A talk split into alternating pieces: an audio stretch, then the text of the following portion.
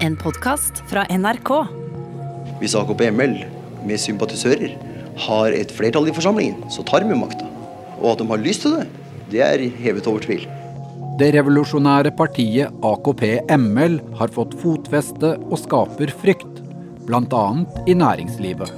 De er en reell fare for oppvigleri og andre samfunnsnedbrytende aktiviteter. Men partikulturen blir strengere, og de som ikke regnes som gode medlemmer, blir kasta ut. Jeg ble veldig lei meg. Jeg hadde så stor del av livet mitt der.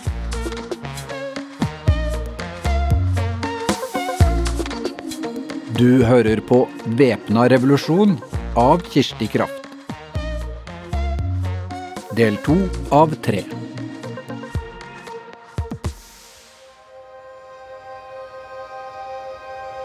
AKP-ML har blitt en maktfaktor i norsk politikk. Selv om oppslutningen blant eh, velgerne er lav, får de mye oppmerksomhet rundt sitt revolusjonære program. Men Arbeidernes Kommunistparti har én stor utfordring mangel på arbeidere. Med oss i studio har vi partiets formann Sigurd Allern. Dere kaller dere Arbeidernes Kommunistparti, men hva med tilslutningen fra arbeiderne? Har ikke partiet sitt utspring i universitetskretser? Dette er et ømt punkt. Veldig mange av de som er med i AKP, er eller har vært studenter. Jeg tror i dag vi kan si at vi iallfall har et uh, klart flertall av medlemmene i organisasjonen fra arbeiderklassen. Når de sier at de har et uh, flertall av arbeidere, hvor mange kan det dreie seg om?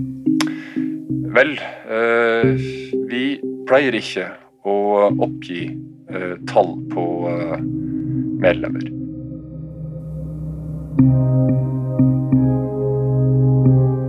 Partiledelsen ser at de sliter med innpass blant arbeiderne. Vi kan ikke ha det sånn at hele medlemsmassen går og vasser oppå Blindern. Noe må gjøres, og én mulig løsning er at akademikerne blir arbeidere. Sjølproletarisering kalles det. Folk må slutte å studere og ta en industriarbeiderjobb. Det er eneste måten AKP kan få troverdighet. Proletariseringskampanjen kommer jo fra partiet. Stein Stuggu har vokst opp i Bærum. Han er overbevist kommunist og leder studentgruppa på sosialøkonomi på Universitetet i Oslo. Og før vi fikk diskutert i det hele tatt i eh, den lokale organisasjonen på sosialøkonomi, så hadde over 30 av medlemmene eh, slutta på universitetet og begynt i industrien.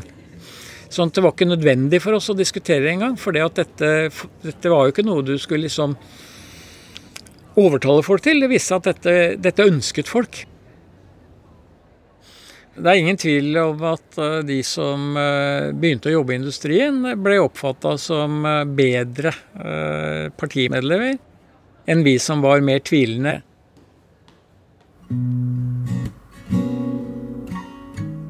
I Kristiansand går Lisbeth Hansen i tredje klasse på gymnaset, og er en ivrig kommunist.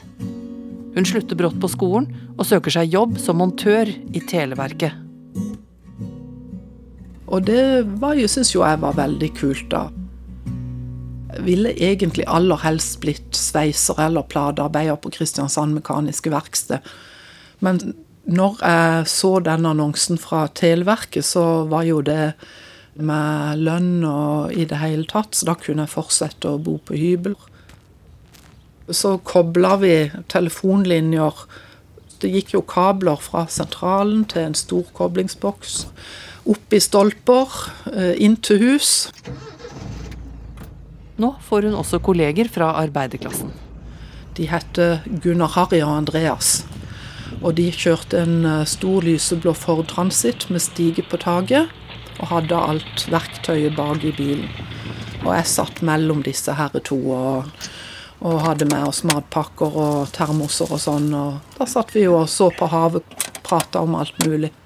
Og de var jo rasende på dårlig lønn de hadde og sånn. Og jeg satt jo der og ble jo kjempeglad. Nå var jeg jo virkelig ute blant arbeiderklassen som klaga på lønna si. og og jeg fortalte de jo forsiktig om forskjellige grupper som, som var i streik og sånn. Og ja, kanskje dere også skulle tenke på det. Og, og snart er det 1. mai, og kanskje dere vil være med og gå i 1. mai-tog i Arendal. Så ble det veldig stille i bilen. Og så sa plutselig den ene av disse her, jeg tror det var Gunnar Harry, at ja vel, så du er sånn, du. Du er sånn som er utplassert.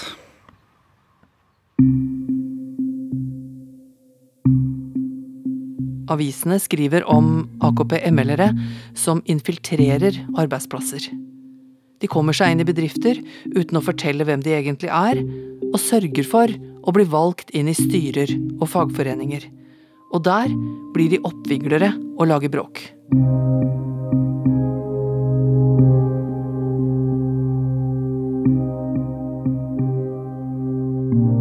Stein er ikke lenger på Blindern. Han har vært i militæret, noe AKP-ML-ere får kred for. Våpentrening på statens regning er noe partiet oppfordrer gutta til å få med seg. Nå venter arbeidslivet. Jeg gikk jo oppover Pilestredet. Så eh, hang det en lapp i portvakta på Frydenlund om at de søkte folk. Så jeg gikk jo inn da i portvakta og opp til personalsjefen. Som uh, jeg snakka med en halvtimes tid, som var opptatt av hvorfor jeg ville jobbe der. og så spurte han jo om jeg var mer interessert i jobben i politikk. Og jeg svarte jo som sant var, at jeg var mer interessert i jobben i politikk. Om det var helt sant, forresten, kan jo sikkert diskuteres. Dagen etter så fikk jeg arbeidsklar, møtte klokka sju og begynte på tapperiet på Frydenlund bryggeri. Å ta tomflasker ut av en kasse med langpils. Grep fatt i, i, dette her, og brukte knærne for å slippe opp når du liksom løfta det inn på, på samlebåndet som gikk inn i vaskemaskinen. Stein trives med jobben. Han vil at gutta ved samlebåndet skal se betydningen av fagforeningen. Jeg var veldig opptatt av at eh, her eh, måtte vi gjøres endringer. Vi måtte få til fagforeninger som bygde opp makt nedenifra men ryktene går mellom folk om hva AKP-ere kan finne på på arbeidsplassene. I den senere tid har det vært en del diskusjon om maktforholdene i fagbevegelsen, kanskje spesielt med utgangspunkt i påstander om at mindre grupper med et ytterliggående politisk syn har erobret bedriftsklubber innenfra og fått i gang ulovlige streiker og annen form for uro. Det er Arbeidernes kommunistparti, marxist-leninistene, eller AKP-ML som de ofte kalles, som har fått de fleste av disse beskyldningene rettet mot seg, og formannen i AKP ML, Pål Steigan, er det slik at dere ser det som en fordel at det er uro på arbeidsplassene, og at dere ønsker å oppmuntre slik uro? La meg da først slå fast at uroen på arbeidsplassene, som eh, det blir kalt, eller klassekampen som vi kaller det, den er ikke AKP ML som har skapt. Den har eh, eksistert så lenge kapitalismen har skapt. Eh, har eksistert, og den vil eh, fortsette å eksistere så lenge det er kapitalisme her i landet. Vårt mål er å eh, gjøre fagforeningene til kamporganisasjoner for arbeiderklassen. Man kalte det for bråkmakere. Jeg vet at det gikk et rykte For det første så var vi bråkmakere, for det andre så ble det hevdet at vi klemte sammen korker og putta på flaskene for å sabotere. Næringslivsledere liker ikke utviklingen. Direktør Kristen Ringvold i Den norske kredittbank innrømmer at de driver med registrering av folk som de synes er trøblete. Det er en rett og en plikt for alle som tror på det norske demokratiet, å analysere virksomheten som åpent bekjenner seg for diktatur og som åpent har erklært at de er forberedt til å bruke vold for å oppnå dette. Som en reell trussel mot næringslivet og bankvesenet? De er en reell fare for oppvigleri, for ville streiker og for andre samfunnsnedbrytende aktiviteter. Er dette en oppfatning som deles av de fleste i næringslivet? De fleste deler dette synspunktet. AKP følger en streng partimodell som har blitt utviklet av kommunistikonet Lenin. Ledelsen i partiet skal bestemme hva som er de rette meningene å ha i alle viktige spørsmål.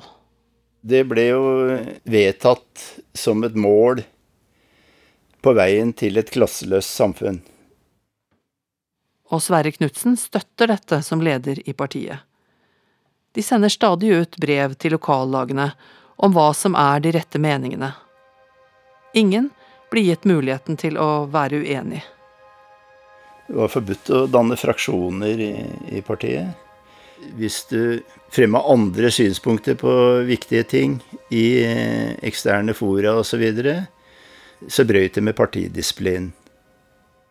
Partiet er eh, opptatt av at de blir overvåket, og skriver en rekke direktiver. Alle medlemmer må bruke dekknavn. Dekknavnet bør skiftes med ujevne mellomrom.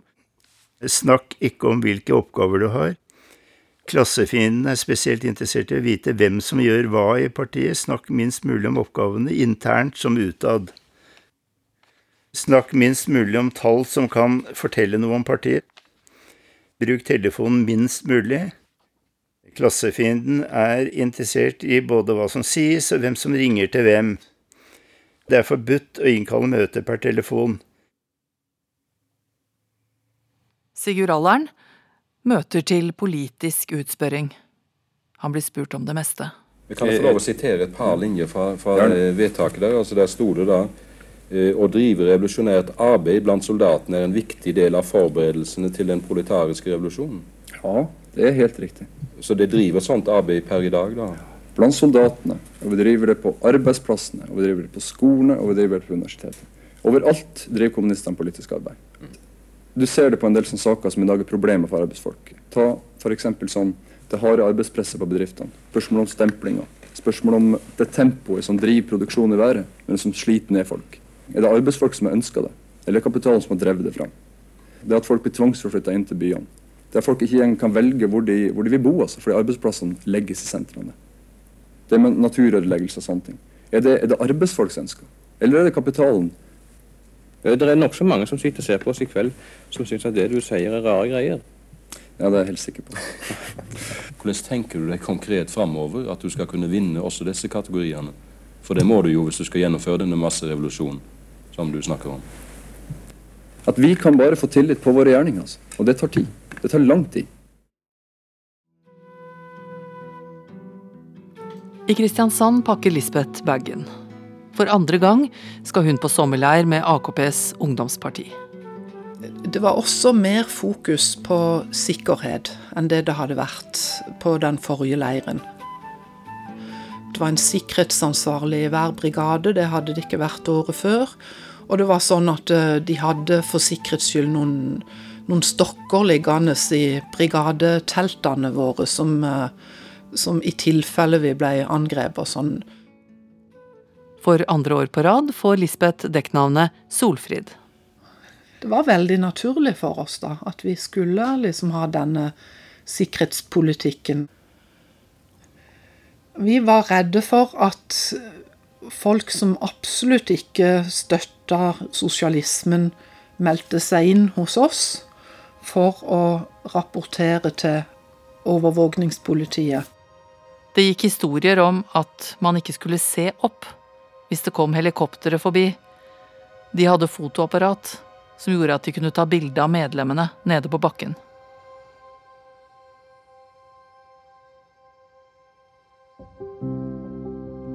Politiets eh, overvåkningstjeneste har nå ansatt politifolk i mange av de mindre byene utover i landet.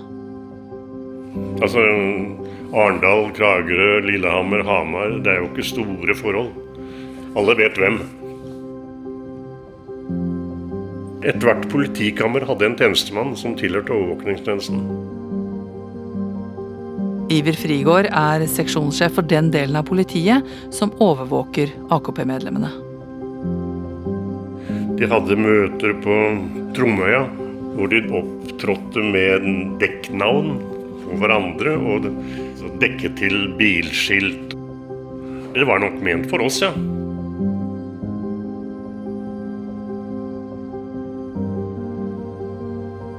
Gro Slettemark er student i Oslo og sympatiserer med AKP.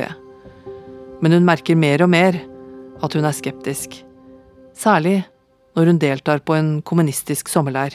Den leiren Da fikk jeg den derre fremmedfølelsen, den følelsen av at, eh, at det var veldig mannsdominert. Og, og autoritært, hele stilen der. Det var menn som snakket, og kvinnene var mer passive. Jeg syns i hvert fall ikke det var lett å ta ordet heller. Fordi det var liksom så beinhardt. Litt sånn hånlig sånn ha-ha-ha. Tror du det, du, da? Den følelsen fikk jeg mye. Fordi at svaret var gitt. Det var bare ett riktig svar. Det ble satt en merkelappe på det. Nei, det der det er revisjonistisk tankegang. Det der er um, borgerlig. Det du sier der, det er vært sånn svermerisk, da. I hvert fall sånn det der det er bare sånn naivt, romantisk ræl fra borgerskapet som du snakker om der. De bruker mye tid på politiske diskusjoner. Men det var alltid det ett svar som gjaldt til slutt. Linja i dette spørsmålet er det og det. I AKP bestemmes det at partiets linje er å ta avstand fra moderne pop og rock. Musikk må tjene som et mål i kampen for en sosialistisk revolusjon. Det betyr visesang med politisk innhold. Det kommer en dag, jeg vet ikke han kan vel komme snart. Da ting skal skifte og nye ting skal moas etter hvert. Det er ikke noe som kommer til seg sjøl. Da er det opp til deg og meg hva lei allting skal ta. Og husk på det som Lenin og Mark som Mao sa. Det er ikke noe som kommer til seg sjøl, er du lett som en spøl. Men sammen så veier vi flere tonn. Med lite grann hjelp gjør lite grann monn. Det er ikke noe som kommer til seg sjøl. Lisbeth i Kristiansand er nå 19 år. Hun har i flere år vært aktiv i Rød Ungdom, men nå vil hun søke fullt medlemskap i AKP, voksenpartiet. Jeg visste jo at da søkte en medlemskap. Da ble en først kandidatmedlem i tre måneder. Og i løpet av den tida så var det jo kadervurdering og gjennomgang av om en passa som medlem i AKP-ML. Lisbeth blir det man kaller kadervurdert vurdert ut fra ulike kriterier. Som handla om eh, politisk nivå, hvor mye jeg hadde lest, og mye jeg klarte å bruke det jeg hadde lest på å analysere situasjonen i Klassekampen i Norge. Og så var det eh, lojalitet til partiet. Det var også et viktig punkt. Et av de andre punktene var, var masselinje, om en hadde god kontakt med folk utenfor partiet. Og det siste punktet er aktivitet. Hvor mange timer en bruker på partiet i måneden. Og jeg kom ganske greit gjennom. Det, det gjorde jeg.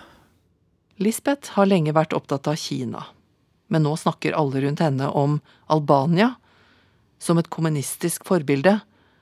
Europas nye fyrtårn. Og det var jo så vidunderlig deilig å ha et sånn land i Europa som var nærmere, som vi også kunne tenke at de hadde fått det til. Og ungdommene der var jo aldeles kule. Og, og jeg lå med på kveldene noen ganger og klarte å få inn Radio Tirana på radioen og hørte liksom uh, Skjønte jo ikke noen ting, men uh, de hadde som kjenningsmelodi en sang som vi sang noen ganger. På byggefabrikken og åkeren vi bygger vår fremtid med sang.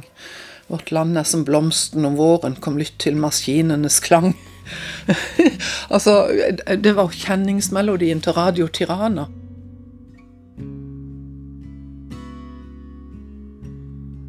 Jeg så for meg at det var eh, noen målbevisste unge mennesker som hadde makta i, i, sitt samfunn og var med på å utvikle sitt samfunn videre.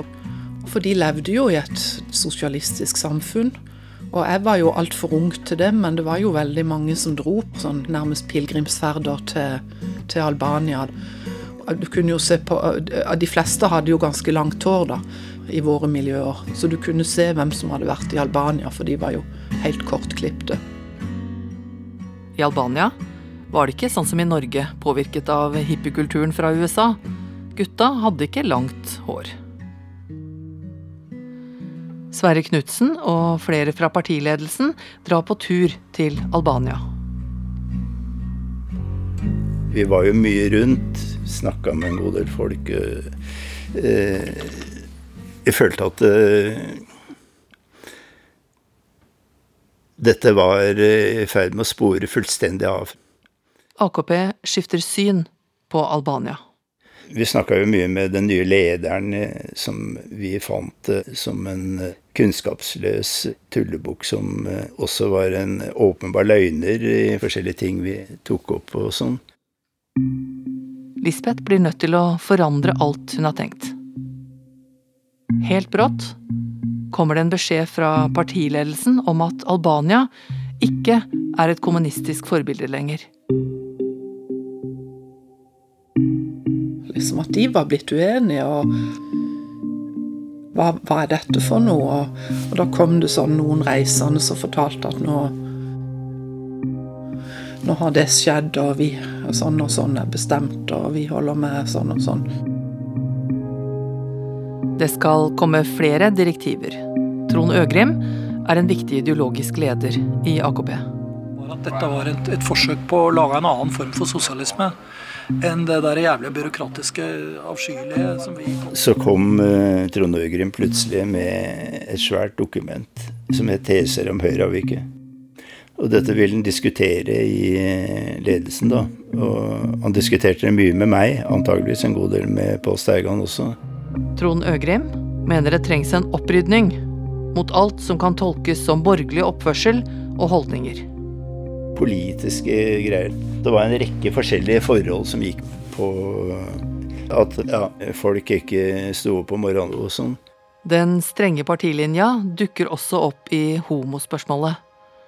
Homofili er avkriminalisert bare noen få år tidligere. Men så lekker det ut et utkast til nytt direktiv fra partiledelsen. Fråsegna om homofili. Der står det AKP ML mener at homofili i hovedsak er et seksuelt avvik med røtter i samfunnsmessige og sosiale tilhøve. Åse Andreassen er aktiv både i AKP og homobevegelsen. Vi ble gjort kjent med et forslag til en uttalelse om homoseksuelle. Og den uttalelsen, den var vi jo ganske uenige. Vi syntes den var helt forferdelig. Finn Jensen er også kommunist og homofil. Og det var jo et slag i trynet.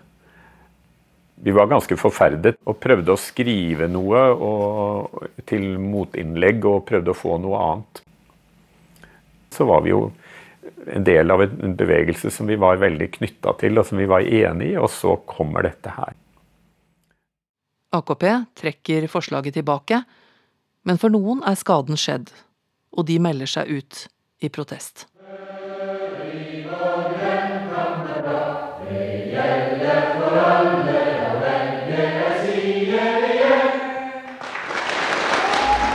Kjøp Klassekampen!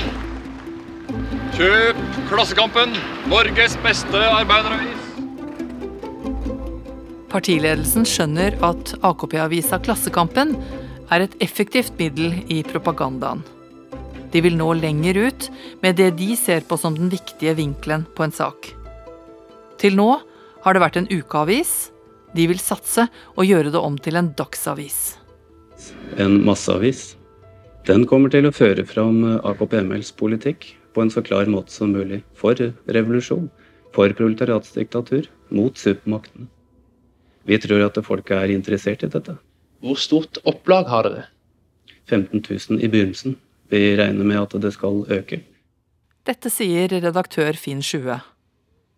Og dette betyr store investeringer. For å trykke en dagsavis er det nødvendig å kjøpe inn en moderne rotasjonspresse. Per Gunnar Gabrielsen støtter visjonen til partiledelsen. Hallo, det var jo virkelig å sette seg høye mål, så vi var jo veldig dedikert. Vi skulle ha ut synspunktene våre, og en dagsavis ville jo kunne få den ut hver dag. Etter oppgjøret med Høyreavviket bestemmer også AKP at de skal betale tilbake alt de har fått i pressestøtte fra myndighetene, klassefienden. Det betyr at pengene må komme fra medlemmene. A pluss B, ja det blir kanskje en månedslønn. Per Gunnar gir stadig opp mot en månedslønn når det er innsamlinger. Ja, men du gjorde jo fordi du ville ha den der uh, jævla rotasjonspressa, ikke sant? Verden var jo full av borgerlige medier som fortalte om det som skjedde fra, fra de herskende ståsted. Og vi skulle bygge et, ei avis som snakka om ting fra, og skrev om ting fra arbeidsfolks side, fra bøndenes side, fra ungdommens side. Vi så på det som en kanal som skulle få fram de sanne nyhetene. Siden medlemskap skal holdes hemmelig, kan man ikke bruke avisbud og abonnementslister. Klassekampen skal selges av medlemmene. All dugnadsinnsatsen sliter på folk. Vi hadde jo diskusjoner rundt i laget der vi tok runden, liksom, og der folk uh, uh, gikk veldig konkret gjennom sånn situasjonen sin. Litt sånn kollektiv suggesjon, kanskje. At vi, at vi skulle jo fram til et mål, og da måtte jo alle yte det de kunne, liksom. AKP står sterkt i kulturlivet. Mange ledende forfattere og kunstnere støtter AKP. De unge kvinnene i Amtmanns døtre blir en populær gruppe. Vårt krav om selvbestemt abort ble avvist nå i høst. Med en liberalisering synes saken være løst. Det sies mange store ord av motaksjonens menn. Selv om vi har hørt dem før, her kommer de igjen som nekter selvbestemt abort. Altså, jeg hadde spilt litt gitar hele veien i ungdomstida mi. Kjersti Martinsen er med i gruppa. På et eller annet tidspunkt så ble jeg og noen andre spurt om vi kunne lage noe kultur til et årsmøte i Kvinnefronten i Oslo. Og da fant vi hverandre fem-seks jenter. Så tok det litt av. Liksom To måneder etterpå sto vi og spilte for 10 000 mennesker i København. Og da ble vi spurt om å spille på et Arbeiderpartimøte. Som jeg ikke hadde noe særlig lyst til, men da var vi jo en demokratisk gruppe, så jeg måtte bøye meg for det flertallet.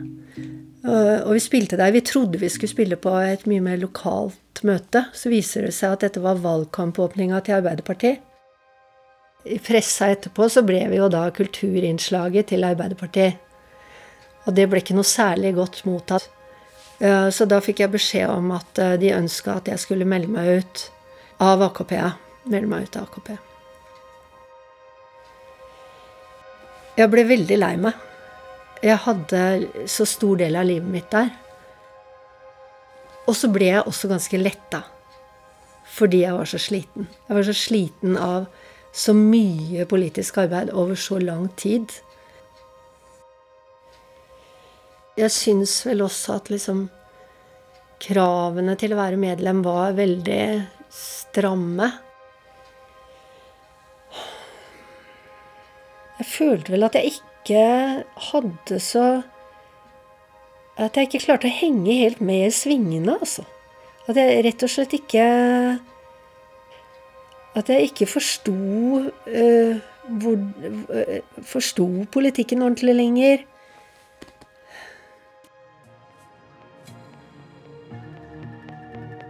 AKP har blitt et lite parti med strenge regler. Snart skal frykten for den tredje verdenskrig gjøre partiet enda mer ekstremt.